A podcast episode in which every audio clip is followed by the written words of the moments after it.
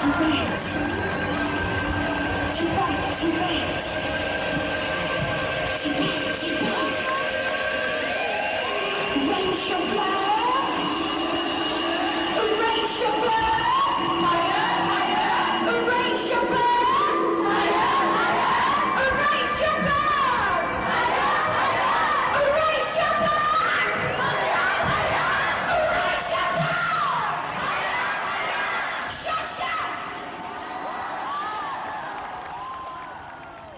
Tíbet, Tíbet, hvíslaði Björk Guðmundsdóttir í þrýgang út í salin sunnudaginn 2. mars 2008 við flutting á læginu Declare Independence. Kanski ekki frásögu færandi, nema vegna þess að þetta gerðist í alþjóðlegu fimmleikamiðstöðun í Shanghai í Kína. Risaveldi sem hefur ráðið Tíbet síðan 1950 og það sem ekki leifist að ræða sjálfstæði ríkisins. Hvað þá að kalla eftir því fyrir fullu húsi tónleikagesta? Lægið hafði áður verið tilenga sjálfstæðisbaratu í Grænlandi, Færum og Kosovo og baróttu fólk fyrir sjálfstæði Tíbet að fagnaði. Margir gaggrindum leið linkind Vesturlanda gagvart Kína. Kínverk stjórnvöld þögði í fyrstu og umalinn byrtust ekki í ríkisfjölminum. Hins vegar fór að heyrast af kínverskum aðdándum bjarkar sem sögðan að sína kínverum óvirðingu og eigingirni. Ríkisblokkara kallaði Björk þá í viðtali síðar og svo rumskaði kínverski drekinn. Kínverk stjórnvöld brúðust við með því að banna komur listafólk sem ógnuðu fullveldi þjóðarinnar eða þyrluðu upp etnísku hatri eins og það var orðað. Bannið gildi einni um þá sem stjórnvöld sögðu ógna einingu þjóðarinnar, hampa klámi, lénsveldi og hjátrú eða brjóta gegn trúarstefnu og menningargildum. Kínverk stjórnvöld sögðu að Björk hafi broti lög og sært tilfinningar kínvera. Hert eftirlit var bóðað en reglur höfðu þegar verið hertar vegna ólimpjuleikana sem voru handan við hornið.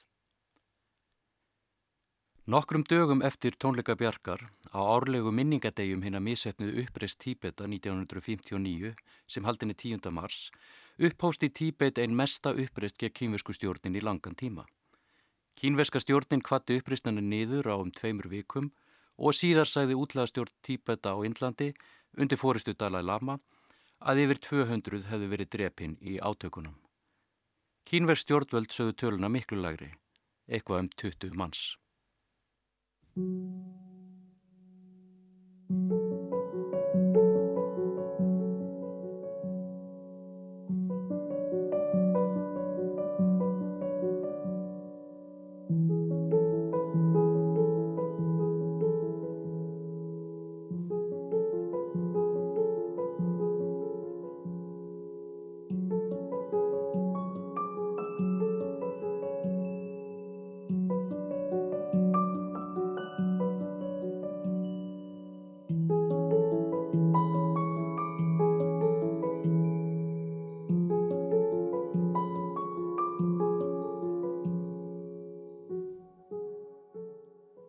Hlustandi, í síðasta þætti blóðudrifinar byggingalistar dvöldum við í Palestínu og Ísrael. Við kynntumst í arðítu stjórnmálum og skoðum átökin á svæðinu í samhengi alþjóðstjórnmála. Við kynntum okkur yfir á palestínskum heimilum og menningararfi, litum á afleðingarnar og veltum fyrir okkur hvernig Ísraelsk stjórnvöld réttlæta niður yfir. Hvernig þau beita reglugerðum og skipulags áallunum til að búa til svo kallar staðrendir á jörðuniri í þá eigin málstæðar. Í dag höldum við áfram með umfjöllun okkar um eyðingu mannverkja og umhverfis í átökum víða um heim á ýmsum tímum í sögunni. Við höldum áfram að kynast byggingalistinni sem tákmynd menningar og skotmarki menningarhensana. Konum áfram hlutskipti hennar í hriðjuverkum, byltingum, landvinningastríðum og við aðskirnað samfélaga. Og fjöllum sem fyrir um notagildið, tæknina, fegurðina. Þessa þrjá megin þætti arkitektúrsins sem Rómverin Vítrúvíu skilgrindi og færði letur á fyrstu öld fyrir Krist. Við leitum heimilda víða og munum meðal annars enn á ný sækja þær til bladamannsins og arkitektsins Robert Bevan sem heldur því fram að eyðing borga og bygginga hefði ætíð verið órjófunlegu þáttur styrjalda og aukist með árunum sögum öflugri vopna. Í þætti dagsins förum við til Tíbet. Við fjöllum um hernám kínvera sem staði hefur síðan 1950 og kynumst menningararfi landsins. Ekki síst höllunum og hofunum í höfuðborginni Lhasa. Við skoðum líka kerfispundna eyðingu þessara minja og veltum fyrir okkur hvað þýðingu hún hafi fyrir menningu og samfélag Tíbeta. Það er enn ekkert beint flug í bóði frá Keflavík til Lhasa en ef við þræðum okkur styrstuleið eftir jarðakringlunni sjáum við að það er eitthvað um 8100 km þarna á milli. Að fara þá leið tæki okkur vantilega einhverjar tíu klukkustundir með algengum breyðþótum nútímans. Bregðum okkur austur til Himalaya fjalla.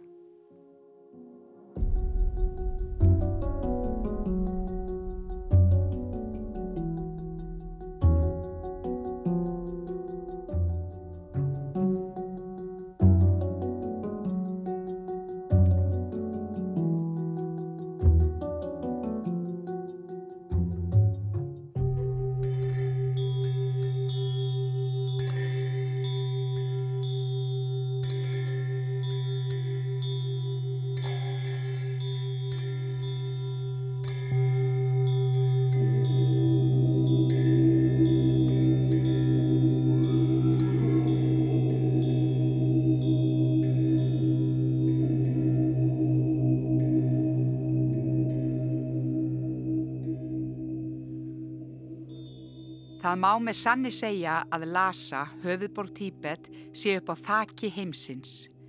Borgin er meðal hæstu borga veraldar og stendur í um 3650 metra hæð á tíbetsku hásléttunni.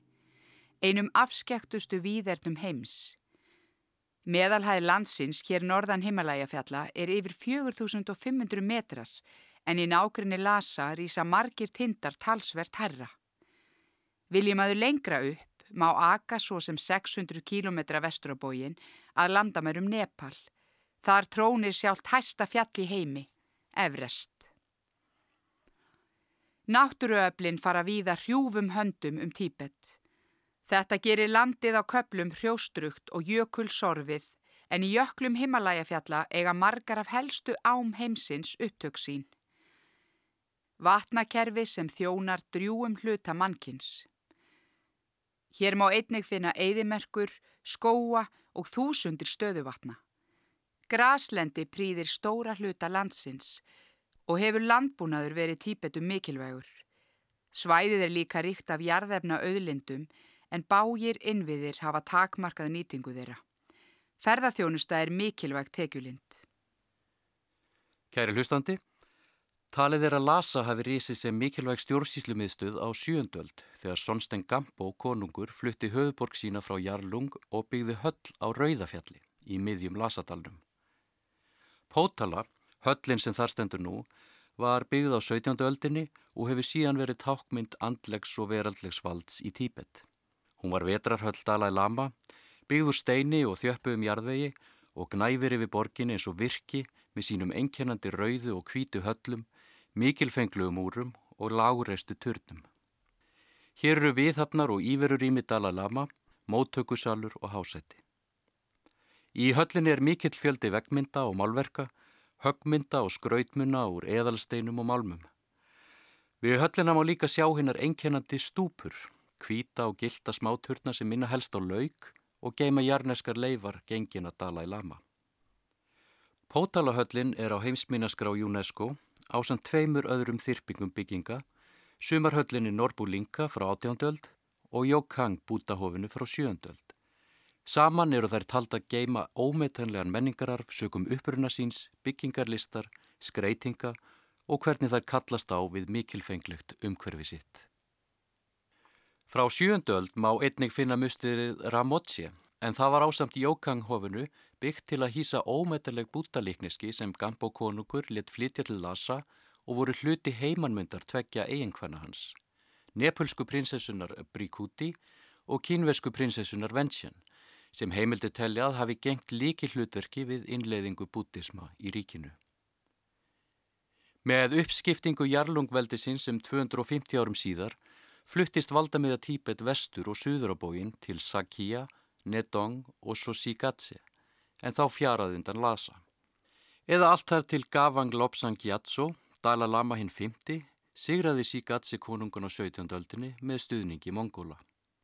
Hann flutti höfuborg sína til Lhasa og byggði pótalahöllina á rústum hallar Gambo konungs. Hinn fymti Dalai Lama er oft nefndur hinn mikli fymti. Hann var enda svo fyrsti af þessum hátsettustu andlegu leiðtögum gulu hattana eða gelúkskóla Tíbets bútisma til að stýra öllu Tíbet, jamt í veraldlegum sem andlegum efnum.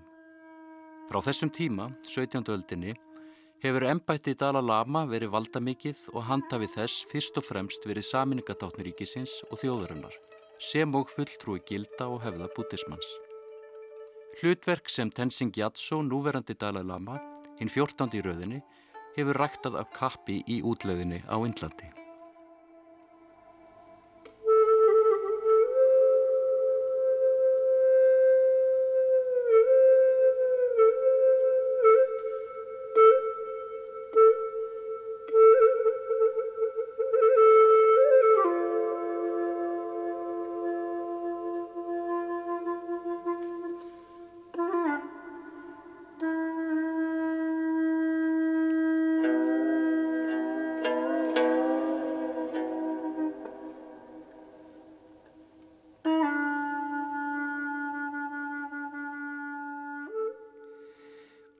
Frá 1642 til 1705 og aftur frá 1750 til 1950 voru það Dalai Lamar eða fulltrúar þeirra sem ríktu að mestu yfir tíbetsku hásléttunni frá höfuborginni Lhasa. Ríkistjórnu þeirra nötu í fyrstu verndar mongólskra konunga en síðar tók Tsing keisaraveldi kynveska þá undir sína arma. Þetta fyrirkomulega helst til 1903-04 þegar breytar gerðu stuttan stans í Tíbet en eftir það reyndi Tsingveldið að herða tök sín á landinu. Eða allt þar til hinn sex ára gamli keisari, Pu Yi, afsalaði sér krúnunni árið 1912. Árið síðar voru kínverskir íbúar og embættismenn reknir frá Lhasa. Tíbet lísti yfir sjálfstæði og nöyð þessi reynd næstu árin. Staða landsins í alþjóðasamfélaginu helst þó áfram óljós. Kínverjar gerðu áfram kröfur um yfirráð og Vesturlend viðkendu heldur ekki fullt sjálfstæði landsins.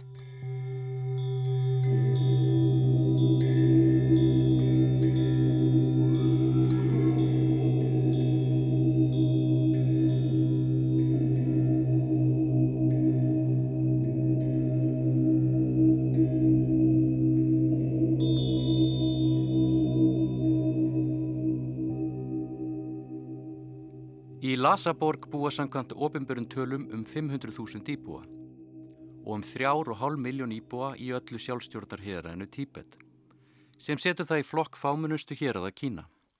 Héræðið er einning meðal þeirra strjálbílistu, því það er risastórt, rúmlega 1200.000 ferkilometrar og næst stæst kínveskra héræða flatamáli á eftir nágranna héræðinu Xinjiang, um tólsinnum stærra en Ísland. En það er ekki allt sem sínist. Ef haldið er í vestur frá Lhasa, svo sem 1500 km í beitni fluglinu, má finna litla borg, Dharamsala. Borgin er í nistu héruðum Indlands í ríkinu Himachal Pradesh og hér hefur tíbeska útlæðastjórnin haft aðsettur síðustu 60 árin, eða síðan 1959 undir fórustu hins bráðum 84 ára Tenzing Gyatso, öðru nafni hins 14. Dalai Lama. Útlæðastjórnin lítur á yfir á kynvera yfir Tíbet sem ólöglegt hernam og bendir á að þau eiginlega Tíbet sé miklu stærra eða um 2,5 miljónir ferkilometra.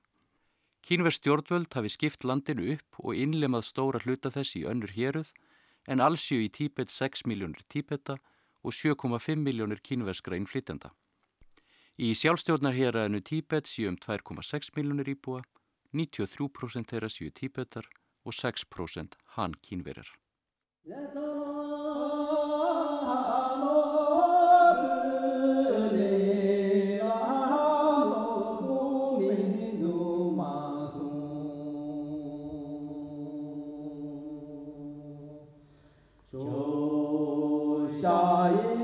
Kæri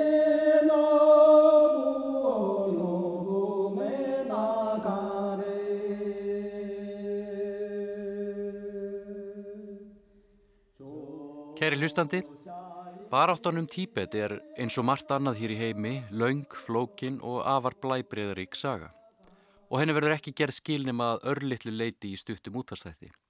Í mjög stuttum máli halda Dalai Lama og útlaðastjórn hans því fram að Tíbet hafi verið sjálfstætt ríki, að minnstakost á tímabilum, en að kínverjar hafi svo gert það nýlendur sinni. Kínverstjórnvöld halda því hins vega fram að Tíbet hafi tilhert Kína um aldir. Það er einnig deilt um stærð svæðisins, eins og komið var inn á hér áðan, En tíbetska útlægastjórnin segir að kínverksk stjórnvöld verða skila þeim landsfæðum sem séu byggð tíbetum og færið það verið undan tíbet.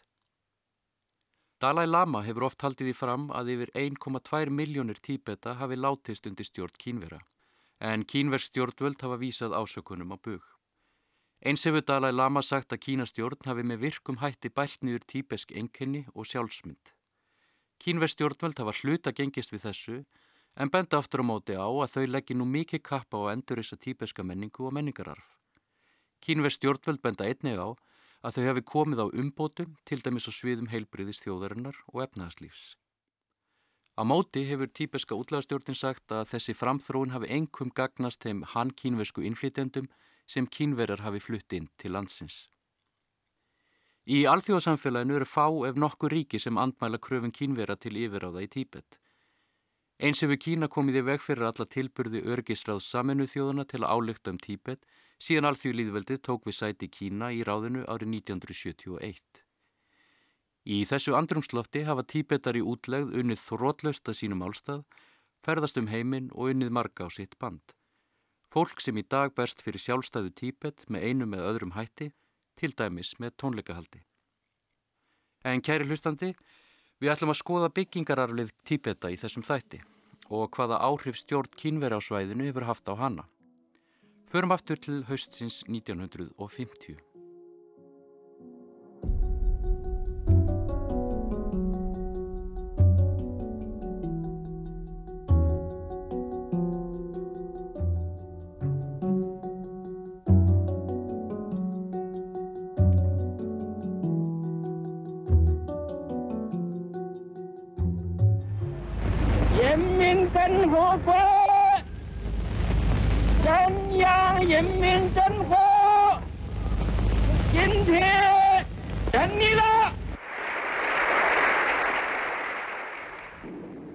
formaður sendi frelsis hér alþjóðunar yfir landamærin inn í Tíbet þann 7. oktober 1950 voru meir en 6.000 klaustur vitt og breytt um þetta trúarlega ríki.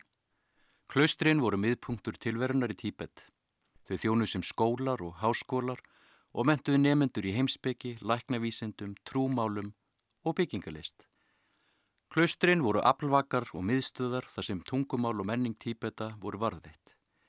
En ríkið var rótið og spilt. Trúarstofnanirnar og aðals fjölskyldur drottnuð yfir stórum landaregnum þar sem bændur voru hneftir í ánöð. Og fyrir margt af þessu undirókvaða fólki gætt kínveska innrásinn auðvitað verið sönn frelsun, eins og má helt líka fram. Í dag virðist fátt í stefnu Kína gagvar Tíbet sem minnir á það hugtak, frelsun. Kínvestjórnvöld litu á hinnar trúalegu byggingar í landinu sem móðgun við sig. Trúlausu kommunistana sem voru komnir til að frelsa fólkið og umbylta samfélaginu. Og Kínastjórn hófst þegar handa við að afbyggja tíbetska menningu, eigða minnisverðum, banna tungumálið og tortíma eða ræna menningarverðmætum. Hinn skamlífa uppreysn í Lhasa árið 1959 olli vatnaskilum í sögunni. Hún var bælt niður með hardri hendi og netti leðtogan Dalai Lama í útlegð. With the Red Guards, revolutionary young people as path breakers, the workers, peasants and soldiers are marching forward courageously. The red torrents of the great proletarian cultural revolution are sweeping the country and shaking the whole world. Chairman Mao says, Marxism consists of thousands of truths, but they all boil down to one phrase. It's right to rebel. Hamfarinnar náðu fullum styrk í menningabildingum á sem steifti samfélaginu í fullkomna múæsingu með tilheyrandi tortimingu menningarvermata. Markmiðið var að eigða hinnum fjóru gömlu, gömlum hugmyndum, gamalli menningu, gömlum hefðum og gömlum síðum. Klaustrum, hofum og musturum, þar með tali klaustrunum í Ramotse, Norbulinka og Jokang, var eitt með kerfismyndum hætti eða þeim lokað. Kínverð stjórnvöld notuðu skriðdrega og loftárusir við eðilegginguna og þefuðu jafnvel uppi trúalega staði í afskektum dölum himalægafjalla til að jafna við jörðu. Klaustubæðinni Drepung og Ganden sem til samans voru heimkynum 13.000 munka voru svo til flattir út. 100.000 að tíbeta dóu og bútamunkum, nunnum og fræðafólki var slátrað. Trúarlegar minjar og handrit sem spönnuði við 1300 ár voru lögði rúst og þau brend. Einungist þúsund herbyggja höllin Pótala í Lasa og tólvaðri skilgrendir líkilstæðir menningararfsins sluppu undan æði rauðu varðliðana. Tugum þúsunda kínveri af öðrum etnískum uppruna hefur síðan þá verið komið fyrir í Lasa og öðrum stöðum í Tíbet. Við lok 8. áratugar síðustu aldar voru einungist tíu klaustur en opinn. Lítilmótleg friðþæginga hver tilfinningum heimafólks og miklu heldur staðir til að lokkað ferðafólk. Dauði Más og endalog menningabildingarnar 1976 þýtti stefnubreitingu fyrir kínvest samfélag. Stefnubreitingu sem veitti tíbetum einhvers konar gálgafrest. Einhverjum er varðaði trúarlegan arkitektur. Í frjálslindara andrumslofti hófu kínversk yfirvölda fjármagna endurbyggingu og endur opnun takmarkas fjölda klaustra og hafa munkar nú aftur sestað innan um rústirnar. Það sem eftir stendur segja gaggrínundur hins vegar bara skelljar gömlu menningarinnar, undir vökulu auga og stjórn kínverskra yfirvalda. Í dag séu hlutverk munkana meira í ætt við starf síningastjóra eða leiðsögumanna, fremurinn að þeir gegni trúarlegu hlutverki. Í mörgum hlutum landsins geti skólabörn ekki lengur fengið kennslu í klaustrunum og ekki einu sinni fengið kennslu í tíbetsku. Meiri hluti tíbeta sé áfram ólæs og kínverar séu megin hluti þeirra sem hefi háskólanum. En meira sé að þetta takmarkaða frelsi sem fellur í minnstur áframhaldandi mannreittindabróta hefur verið afturkallað hinn síðari ár. Kínverð stjórnvöld virðast hræðastan kraft sem tíbetar hafa sett í að reyna endurheimta fortið sína. Dalai Lama hefur farið um heiminn og varað við menningurlegu þjóðamorði í landi sínu en gaggrínendur kínverskra stjórnvalda segja þau hafi á meðan sett aukinn kraft í að uppræta veraldlegan menningarar típeta, ef eitthvað er. Þetta helgist að hluta til að þeirri bjargföstu sannfæringu kínverska stjórnvalda að yðn og nútíma væða landið, sama hvaða kosti. Megin ástæðan sé samt svo ætlan að innlima típeti í kínverska ríkið að binda það móðskipinu varanlegum böndum og afmá áþreifanlegar minningar um sérstaka menningu og fortið típeskrar þjóðar. Innan fjögur ára frá innreið frelsishers Más árið 1950 höfðu kínverð stjórnveld þegar lokið við risavaksinn innviðaverkefni á borfið þjóðvegin melli Tíbet og Sichuan. Þúsundir bænda frá Sichuan hafa síðan þá haldið inn í Tíbet eftir þessum þjóðvegi og notið til þess fjárhastlera kvata frá kínverskum yfirvöldum.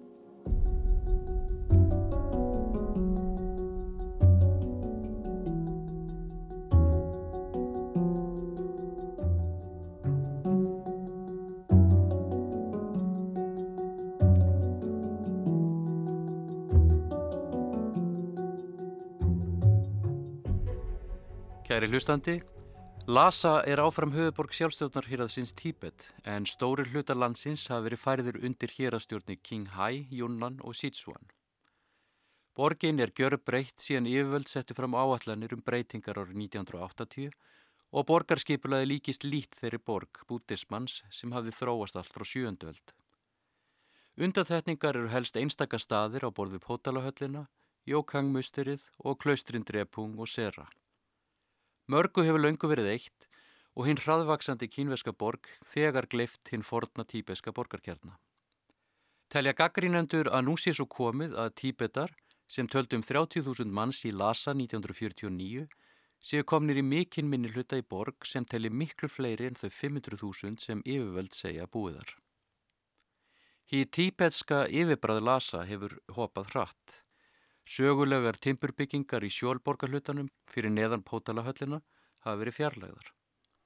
Þeim hefur verið skipt út fyrir steinsteft ferðamannathorp, þakkið ódýru og fölsku tíbesku skrauti, en þar má einni sjá voldugan steinstiftan minnisvarðum svo kallega frelsun tíbeta.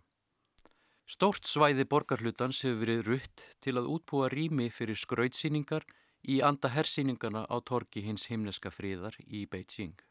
I think there's dramatic change in Lhasa and beyond in the last few years. And there's been a, transformation in the political landscape since 2008 in particular. Um, which you mention in the report, when protests swept across Tibet. Um, and they were met by a crackdown with a different scope, different objectives, different intensity to ever before. Kate Sanders, sem er sérfræðingur í málefnin Kína og Tíbet og hefur barist fyrir sjálfstöðu Tíbet, hefur gaggrínt eðilegginguna og einnig sagt að byggingar á borðið Pótalahöllina sé nú varðvettar með allt öðrum hætti en upphaflega, eins og söpn. Hún heldur því líka fram að áhrifamestu táknum tíbesk bútisma hafi verið snúið yfir í tákmynd fyrir kínversk yfirráð. A giant construction project is tearing up the spiritual heart of Tibet. Will it roll over my body? What are they doing here? Are they crazy? They're destroying everything.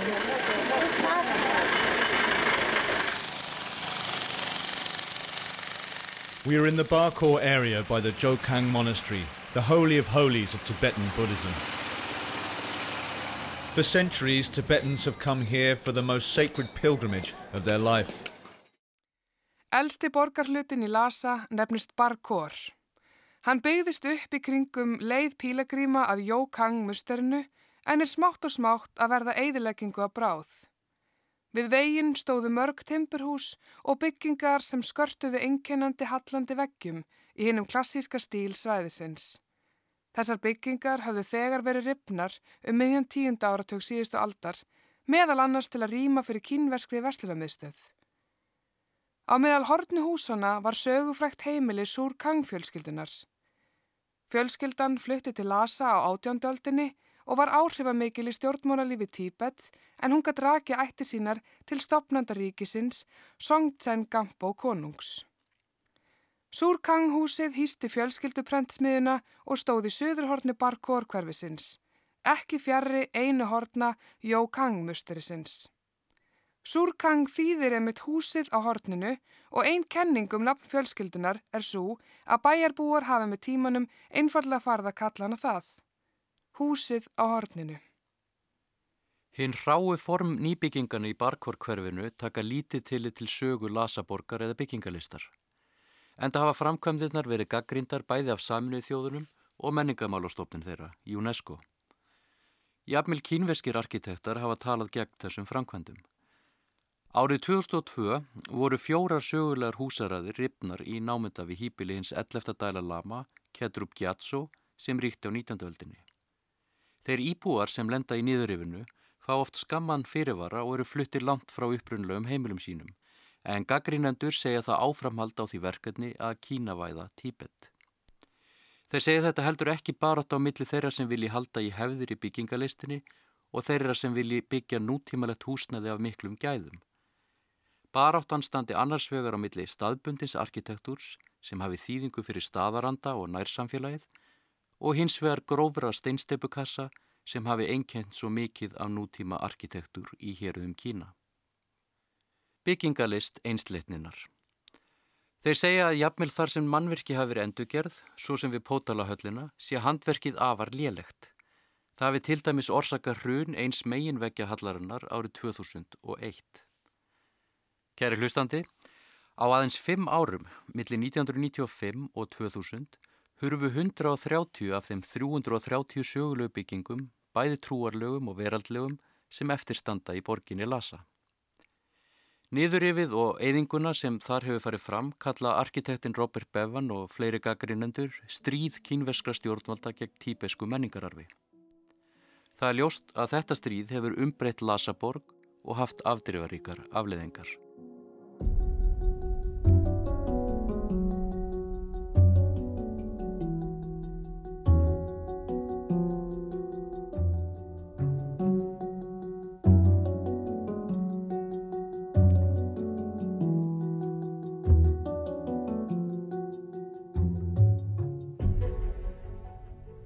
Hlustandi, eh, við reglubundna úttækt mannréttindar á saminu þjóðana á ástandi mannréttinda í Kína árið 2018 voru gerðar ímsar aðtjóðasendir vegna Tíbet. Mannréttindastofnun samtakana lísti áhugjum af vannæringu og óhug vegna fjölgunar sjálfsíkveikja tíbetskra barna sem stjórnvöld breyðist ekki við með því ávarpa undirleikjandi ástæður, langvarandi upplifin Tíbeta á óreittleiti. Eins lísti stofnunin áhugjum af varðhaldi og fangelsun barna. Þá leist hún miklu hugarangri vegna barna sem fá ekki notið samvisku og trúfrelsis, séu handtekinn, sett í varðhald og sæti yllri meðferð og pyntingum. Börn mæti álíka takmörkunum á trúfrelsi sínu og klausturinn í landinu sem lúti strángri stjórn og eftirliti. Við úttektina sögðu kínversk stjórnvöld fátt um Tíbet en bentu á að hagvöstur hefði þar mælst í tveggjast af að tölum óslitið undanferinn 24 ár. Eins hefðu ráðstöfunatekjur vaksið mikið. Tíbetar nýttu á ókeipis mentunar frá leikskóla og upp í mentaskóla með fullu húsnæði, fæði og kjenslu sem var í meðal þess besta sem gerðist í Kína. Mannréttindastofnunin segir fjölda áræðanlegra heimilda lýsa pyntingum, döðsföllum í varðhaldi, geðþóta handtökum og mannskvörfum í Tíbet. Þá mæti tíbetskar konur markþættri mismunun og búið við skert aðgengi að heilsugjæslu, mentun og atvinnu.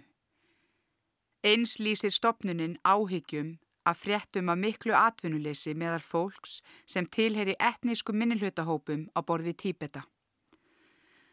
Og það sé að hluta til vegna innflutnings hann kynverja inn á svæði þeirra. Við úttekt mannréttindaráðsins 2018 settu Ímissi ríki fram tilmæli við kínversk stjórnvöld. Þau voru kvött til að hleypa eftirlitsaðilum saminu þjóðana, fjölmiðlum og fulltrúm erlendar ríkja inn í Tíbet hætta afskiptum af skipan trúar og menningarleittoa, lamanna, og hætta ofsóknum á hendur trúuðum.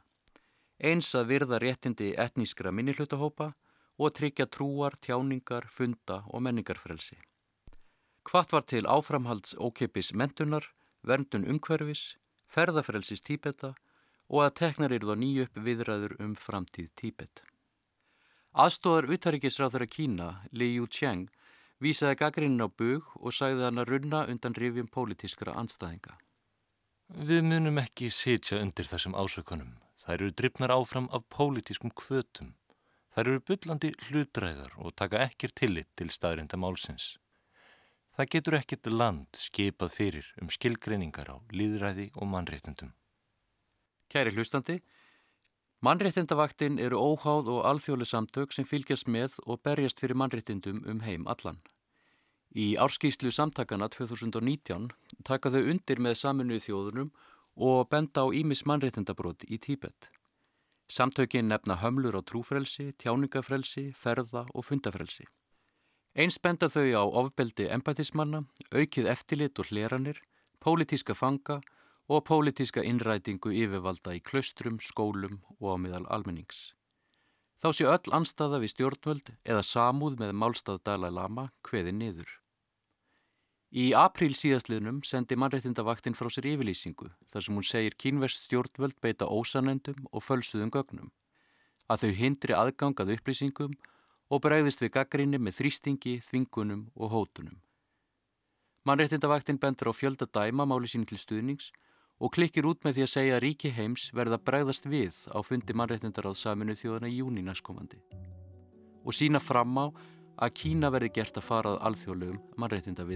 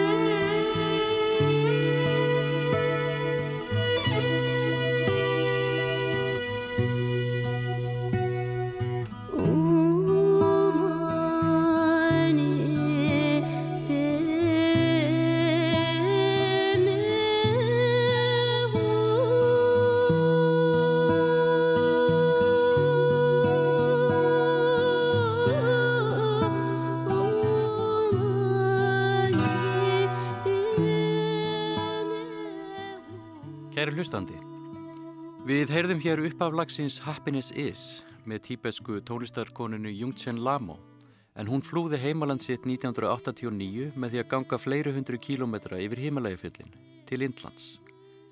Hún hefur síðan þá ferðast víða, barist fyrir sjálfstæði Tíbet og unni meðal annars með íslensku listafólki og mörgum þekktustu tónlistamönnum heims. Barátt að aðskilnaða sinna, eins og kínversk stjórnvöld kallað á, heldur áfram. Barátt að tíbeta sem vilja halda í þjóðlegar hefðir, menning og sjálfsmynd og neyta að láta samlaga sig í Kína. Actually, sometimes I was telling people that I'm not splittist, but Chinese government consider me splittist. Uh, so Chinese promoting me uh, fight for independence. we are not uh, seeking independence. Reyndar hef ég stundum sagt fólki að ég sé engin aðskilnaðar sinni. En kínverska ríkisjórnin telur mig aðskilnaðar sinna og segir mig berjast fyrir sjálfstæði. Við erum ekki að leitast eftir sjálfstæði. Þessi orð Dalai Lama, nú síðast í april 2019, hafa ekki alltaf lagst vel í stuðningsfólk hans. Og hefur hann þó lengi talað á þessum nótum. Dalai Lama segist dástað Evrópusambandinu en það hafi með stopnum þess tekist að koma á friði í álfunni. Hann segir á slíkum fórsendum eigi tíbet að vera áfram innan alþjóðu líðvildi sinns Kína. Stjórnveldi Kína hafi ekki sínt sama skilning eða ljáð máls á möguleikanum. Hvað þá vilja ræða hann við Dalai Lama? Þau vilja þvertamóti ákveða hver verði næsti Dalai Lama eftir daga Tenzin Gyatso og dæla peningum í Lhasa og Buddhismann þessa dagana. Gaggrínendur segir það til þess að kaupa sér tryggar í fótfestu í landinu. Fjárfestingarnar séu svo sannarlega ekki á fórsendum tíbeta eða raunverulegar sjálfstjórnar þeirra. Kæri hlustandi, við kveðjum nú tíbet og höldum til landsins milli ána, Mesopotamíu. Þar skoðum við hvernig hinn svokallaða vakka siðmenningar hefur verið rænd og vannvirt í gegnum tíðina. Ekki síst af stórveldum veraldarsögunar. Meir af því í næstu viku.